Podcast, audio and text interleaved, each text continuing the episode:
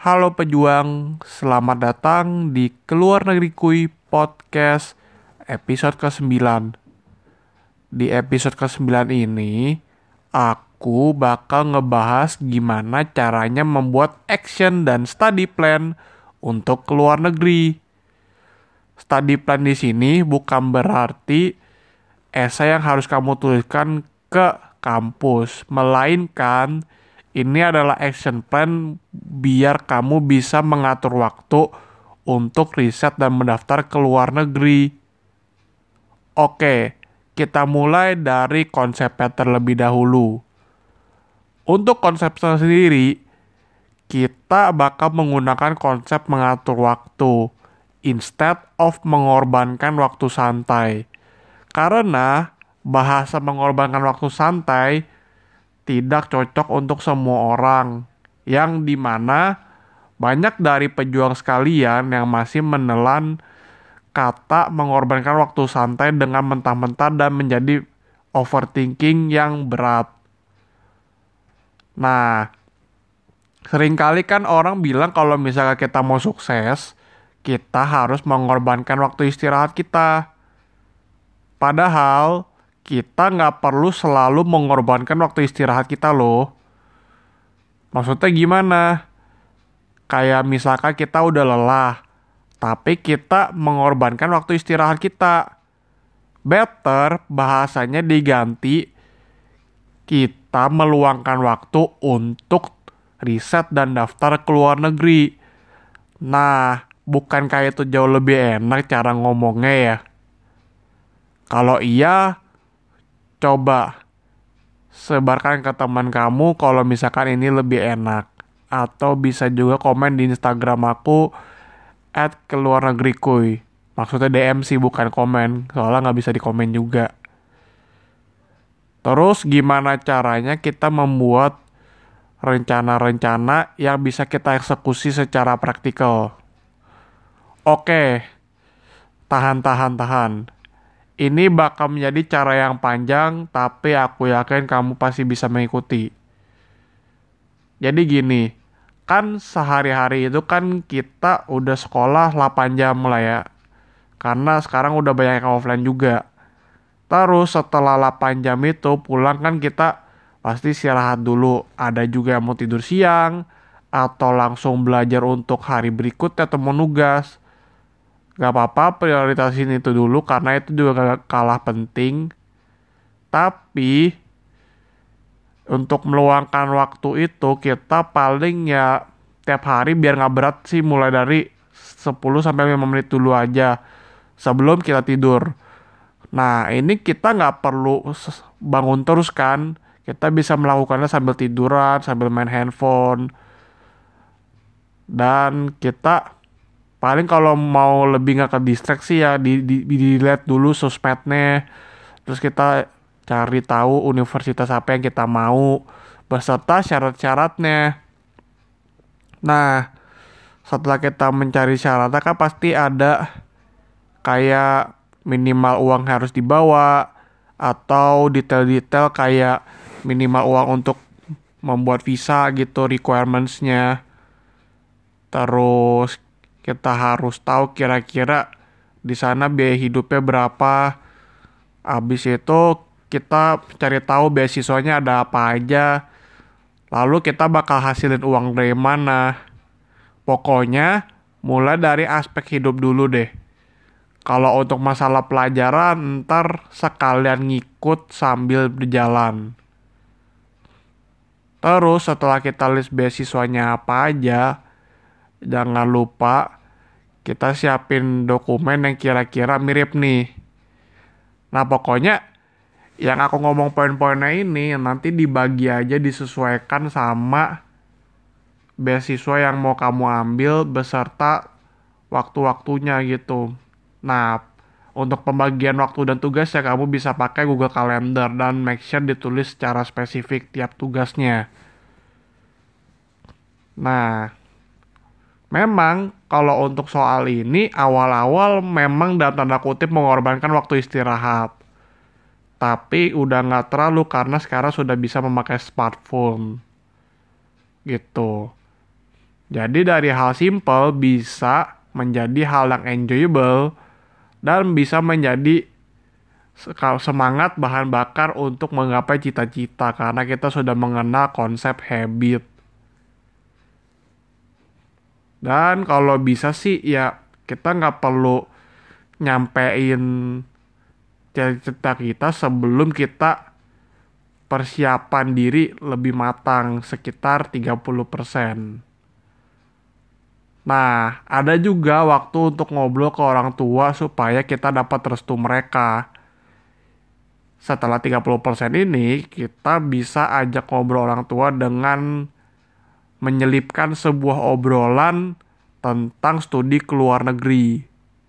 Yang di mana di situ kita harus pintar-pintar menjembatani obrolan sehari-hari dengan obrolan ke luar negeri. Kayak misalkan ngomongin satu tempat di luar negeri atau ngomongin film yang kamu suka tentang negara yang kamu tuju. Habis itu bisa juga ngobrolin cita-cita kalau memang orang tuanya suportif berarti disesuaikan sama tingkat ketahuan orang tua soal negara tujuan kamu dan beasiswa yang mau kamu tuju. Karena memang tidak semua orang tua langsung setuju kalau misalnya kita ngomongin kita mau kuliah ke luar negeri. Karena memang ada kondisi dan mindset tertentu yang sudah dipegang sama orang tua untuk kita ke luar negeri gitu. Abis itu, kita jangan lupa mengeksekusi jadwal belajar kita dan menuruti jadwal belajar kita kalau misalnya kita sudah rencananya makin matang. Nah, belajar ini bisa buat memenuhi target rapot ataupun buat IELTS atau buat SAT kalau memang dibutuhkan. Kenapa dijadwalkan? Karena manusia itu sering kali suka lupa kalau misalkan belajar itu perlu gitu loh. Dengan kita menjadwalkan, kita bakal lebih tahu nih kegiatan kita ngapain aja di hari itu dan kita nggak akan menghabiskan waktu untuk bingung-bingung hari itu mau ngapain aja. Kalau bisa sih jadwalinnya dari 1 sampai 2 minggu sebelumnya. Dan disesuaikan juga tentunya dengan keadaan. Kalau memang keadaannya darurat ya kita harus urusin dulu keadaan darurat itu kalau nggak darurat ya kita bisa menuruti jadwal kita. Nah, terus kalau misalkan memang tiba-tiba ada janjian kita yang di cancel, kita juga bisa meluangkan waktu kita untuk mencari info atau belajar buat ke luar negeri gitu. Karena waktu luang itu lumayan banget nih buat uh, colong-colong waktu biar kita semakin dekat sama impian kita. Habis itu setiap yang kita kerjakan yang harus disesuaikan sama deadline pengumpulan beasiswanya gitu. Karena ada juga temen aku yang ngurusin beasiswa ataupun daftar ke luar negeri sampai 2-3 tahun.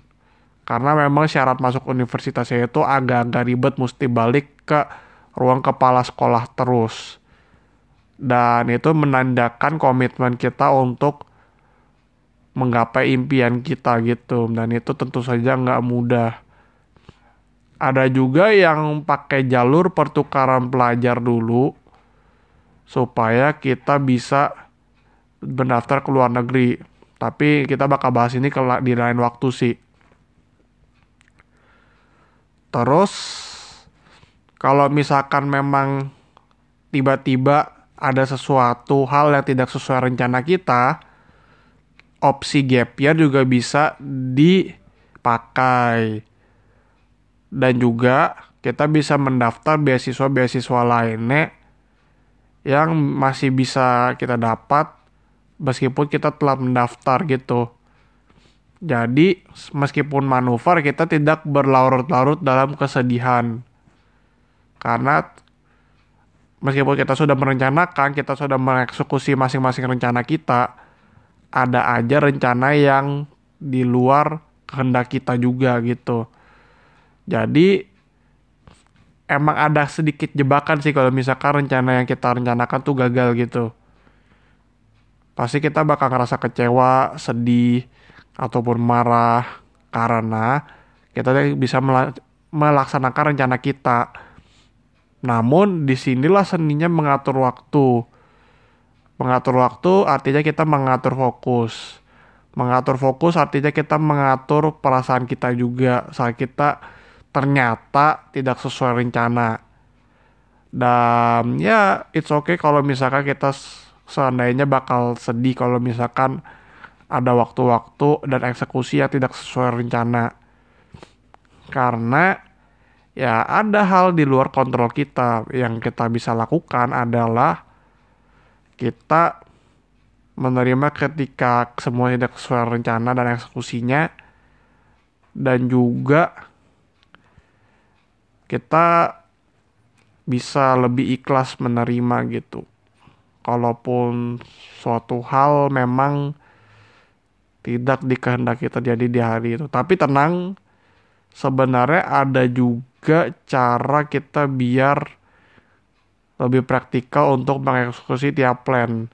Yang pertama ditulis secara spesifik, habis itu yang kedua kita harus melaksanakan rencana spesifik itu kalau bisa ya dibagi waktunya sedetail mungkin sih. Jadinya kita benar-benar ngeplan kapan kita belajar gitu. Dan juga sekolah dijadwalin. Pokoknya yang waktu rata-rata kita kegiatan ngapain ya kita tahu gitu. Oh misalkan jam 9 kita belajar, oh jam 8 kita kerja, jam 7 kita main olahraga, terus jam 6 kita uh, nongkrong dulu gitu. Nah itu kan bisa jadi rata-rata jam kita waktu waktu kita tuh ngapain gitu kalau pakai Google Calendar. Jadi penjadwalan itu gunanya buat itu juga sih jadi kita nggak bakal ngerasa berat ketika kita harus mempersiapkan ke luar negeri di sela-sela waktu kita bertugas. Dan awal-awal pasti ada beratnya juga dan kita butuh support teman juga kadang kalau perlu ya silakan aja mencari support teman. Tapi aku yakin pasti kamu bisa melewati semua ini. Gitu. Nanti kalau mau ngomongin praktek ya aku bakal bahas di uh, selanjutnya episode. Pokoknya stay tune terus di Keluar Negeri Kui Podcast dan see you di podcast berikutnya. Kalau kamu merasa podcast ini berangkat, jangan lupa di share dan dibagikan ke teman atau diputar ulang di waktu santai. Terima kasih semoga aku uh, maksudnya kamu bisa ngerti konsep ini. See you.